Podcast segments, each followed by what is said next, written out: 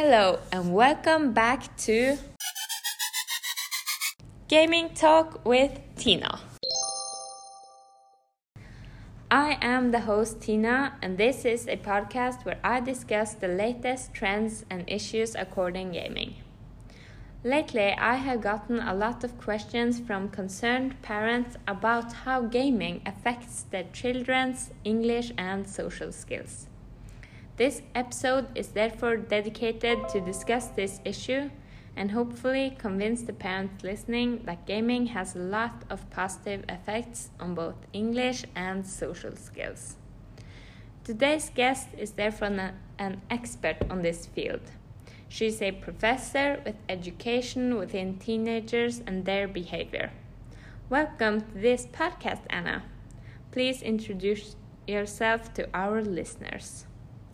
Thank you, Tina. I am pleased to be part of this podcast. My name is Anna, and I am a professor at the University of Oslo.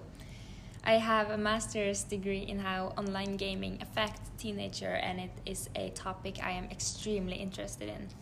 That is very impressive. I can hear that we will get a lot of valuable information from you.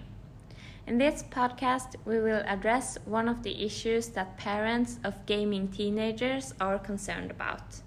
Today's episode's name is therefore How can gaming contribute to developing social and English skills? What are your views on this, Anna?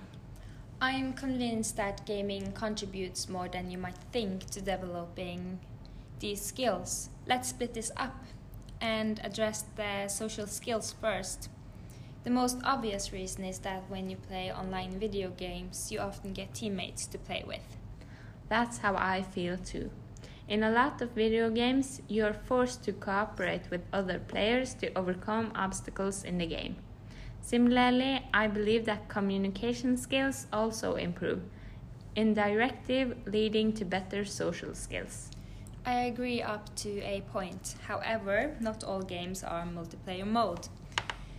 Some of the games have only solo playing choices, but this does not mean that you do not develop social skills since you aren't cooperating with others. You learn other things as how to analyze messages, messages and tasks and how to react to obstacles. How do you mean exactly? I did not quite get that. The way I see it, you do not necessarily have to communicate with others to keep to develop social skills you could also improve those skills by other factors such as learning how to adapt to tasks and obstacles. I suppose you are right. Gaming could improve other skills that indirectly lead to you doing well in social situations. Video games are all about being creative while following a set of rules to overcome obstacles. Therefore, you improve skills such as problem solving, memory, reasoning, communication, and navigation. That is exactly how I feel too. Let's move on to another argument. If you ask me, gaming contributes a lot to improving social skills, especially when you play with others. There are thousands of stories of people who have met their closest friends at online gaming servers. I even heard of a guy named Mats who was disabled that had friends from all over the world. There's no doubt that making friends is easy online, and I am also in favor of that gaming creates friendships and can make you feel more social. I have heard that story too, and it is really heart melting. So, what's your impression on how gaming improves English skills then? Personally, I think gaming plays a huge role in developing English skills, especially for foreign learners. Why do you think that? To learn a language, you have to practice and repeatedly use it. It is the only way you can improve, just like mathematics. There is no shortcut, you just have to practice a huge amount. I agree. I also believe that playing video games makes learning English fun, and therefore you do not think about it as a task or as schoolwork. Maybe that will make you more motivated to improve in English. Yes, because if you play the game a lot, you get a lot of exposure to English. I also think that if you are a bit competitive, just like most gamers are, maybe you have to be good at English to improve in the game. Foreign phrases, words, idioms, and common sayings can be useful to know.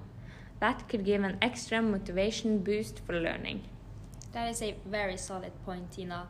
I also believe that being a good English speaker will ease the communication with fellow players. I absolutely feel the same way. So, can we sum up by saying there's a lot of benefits with gaming when it comes to improving both your English and social skills? Both direct and indirect consequences of gaming can lead to benefits that will help you improve.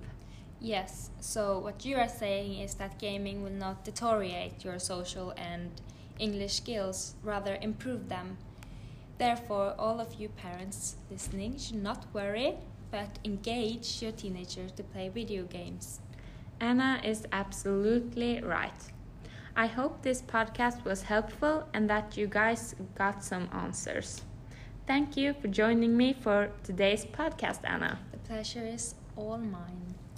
And for all my listeners, thank you for tuning in on today's episode.